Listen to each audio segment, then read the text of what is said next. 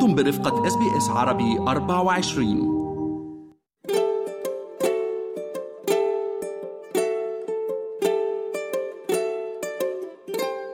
تحت المجهر. بودكاست يتناول العناية بالصحة الجسدية والنفسية. أهلا بكم في حلقة جديدة من بودكاست تحت المجهر.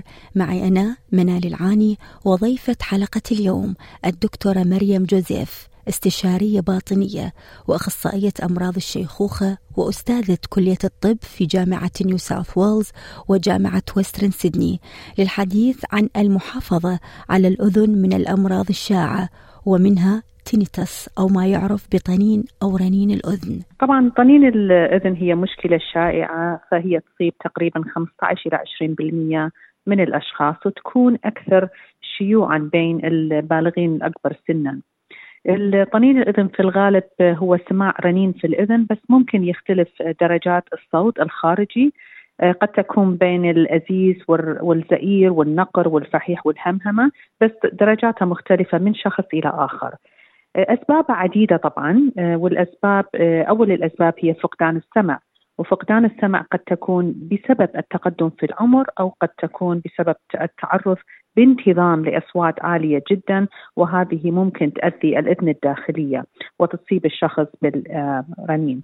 الأسباب الأخرى هي الالتهابات بالإذن أو انسداد قناة الإذن وهذه قد تكون بسبب يمكن تراكم السوائل التهابات بالإذن أو شمع الإذن نسميها أو الأوساخ بالإذن أو مرات الأجسام الغريبة ممكن تدخل بالإذن وتأثر عليها مع مرور الوقت. طبعا أسباب أخرى هي إصابات اللي ممكن تكون بالدماغ أو الرقبة واللي ممكن مثلا اكسيدنت اللي ممكن أن تأثر على الإذن الداخلية أو على أعصاب السمع أو وظائف الدماغ اللي تكون متعلقة عندها علاقات بالدماغ أو عندها علاقات بحاسة السمع اللي تربط بالأذن الداخلية. أسباب أخرى يمكن كثير من الناس ما يعرفوها هي الأدوية. كثير من الأدوية ممكن تخلي الأذن يكون بها رنين قسم من عندها ممكن تكون مؤقتة قسم من من عندها ممكن أن تكون دائمية مثلا في مضادات الالتهاب الغير ستيرويديه مضادات الحيوية أدوية قسم من أدوية السرطانات حبوب الماء المدررات البول اللي نسميه Lasix أكو أدوية المضادة للملاريا ومضادات الاكتئاب ممكن أيضا تعطينا هذه المشاكل. طبعا أسباب أخرى هي مو شائعة بس ممكن تكون في داء نسميه داء Meniere's وهذا يحدث اضطرابات متعددة في الضغط الإذن الداخلية وهذا يسبب ال Meniere's وممكن يكون كثير مؤذي للشخص.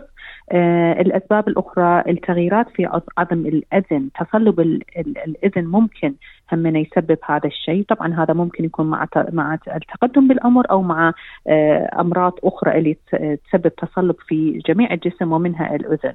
نعم. تشنجات بالعضلات الداخلية الموجودة بالأذن ممكن تسبب هذه هذه المشكلة.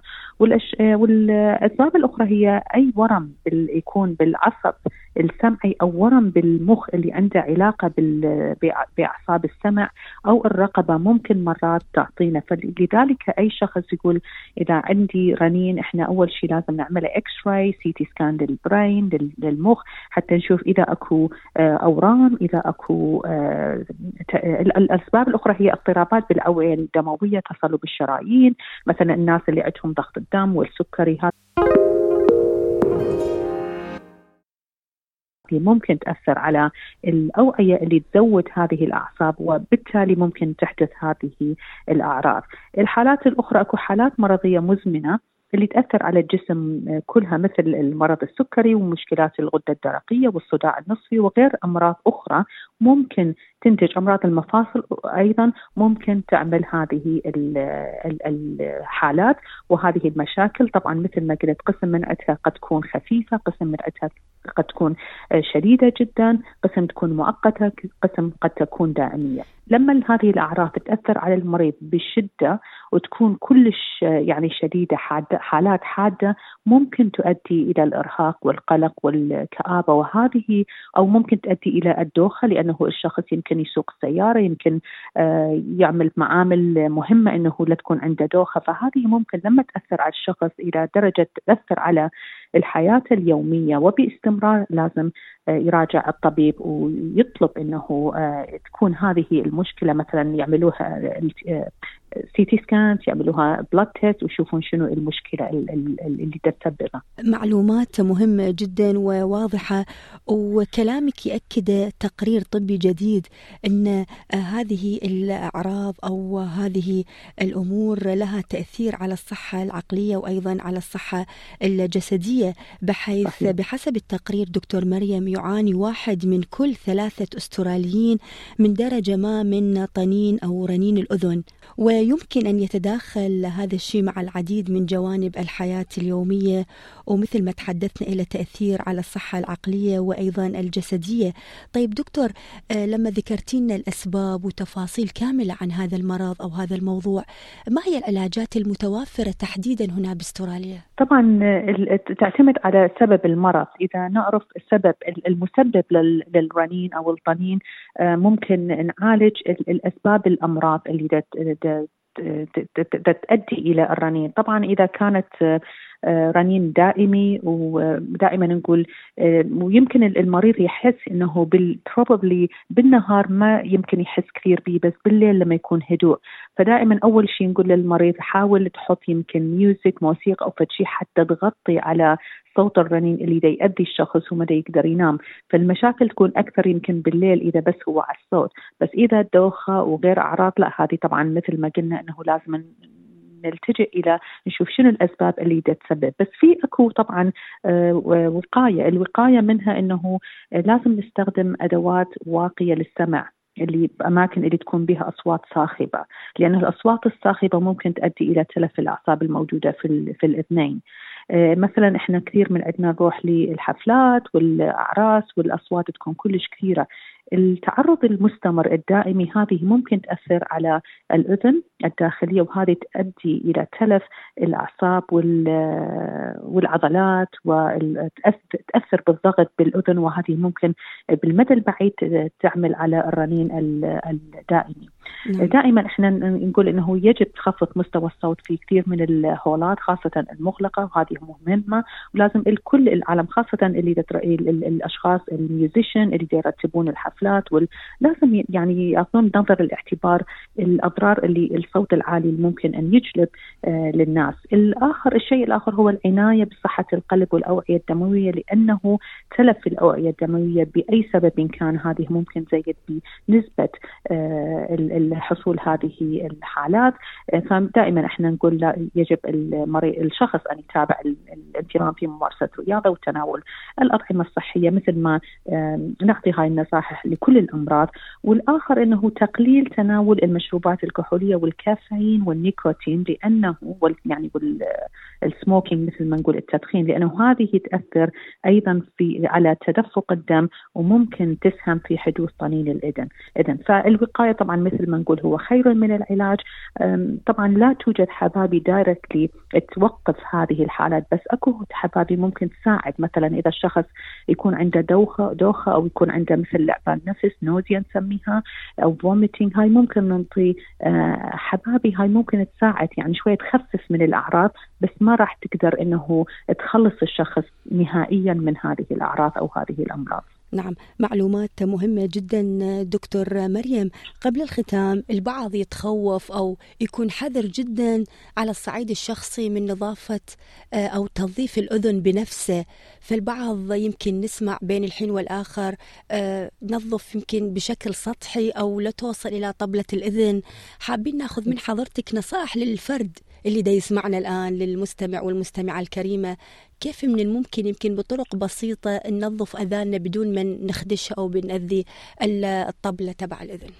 طبعا سؤال جدا جدا مهم. إحنا دائما نقول إنه لا تحط شيء غريب بالأذن حتى توصل حتى تنظفها. أكو ناس يحطون مواد مختلفة حتى يوصلون وينظفون طبلة الإذن أو أو أو الموجود حول طبلة الإذن. بس كثير من الأحيان ممكن يخلون إنه هذه الطبلة تنفجر وهذه راح تعمل هيرنج لوس يعني ما راح والالتهابات المستمرة والمشاكل مشاكل كثيرة. فدائما إذا في أكو ناس يكون جسمهم يفرز شمع كثير وناس خفيف.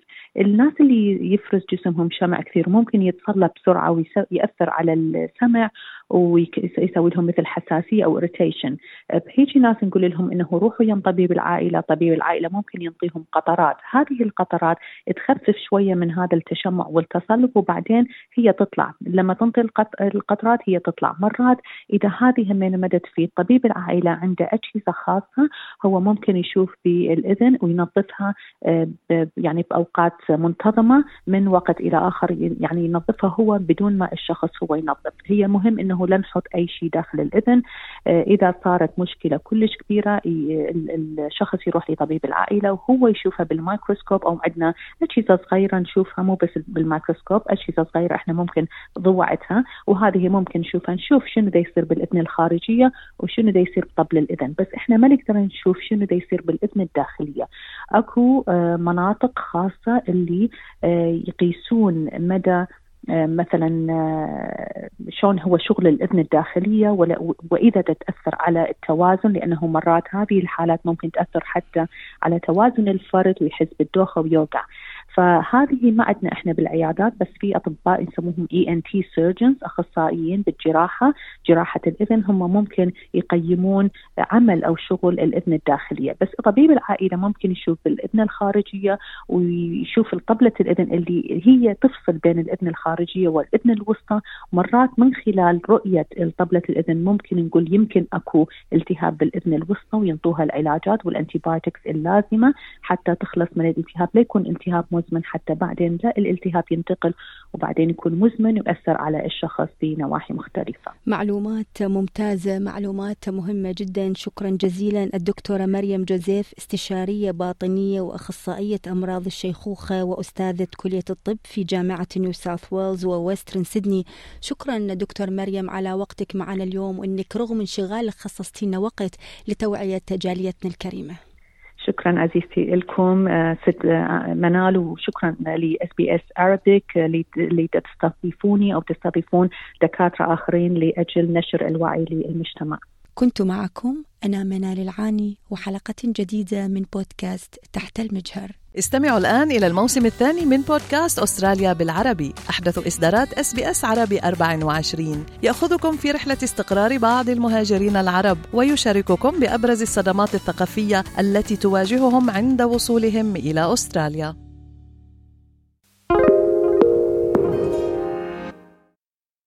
استمعوا الآن إلى الموسم الثاني من بودكاست أستراليا بالعربي. أحدث إصدارات SBS عربي 24 يأخذكم في رحلة استقرار بعض المهاجرين العرب ويشارككم بأبرز الصدمات الثقافية التي تواجههم عند وصولهم إلى أستراليا.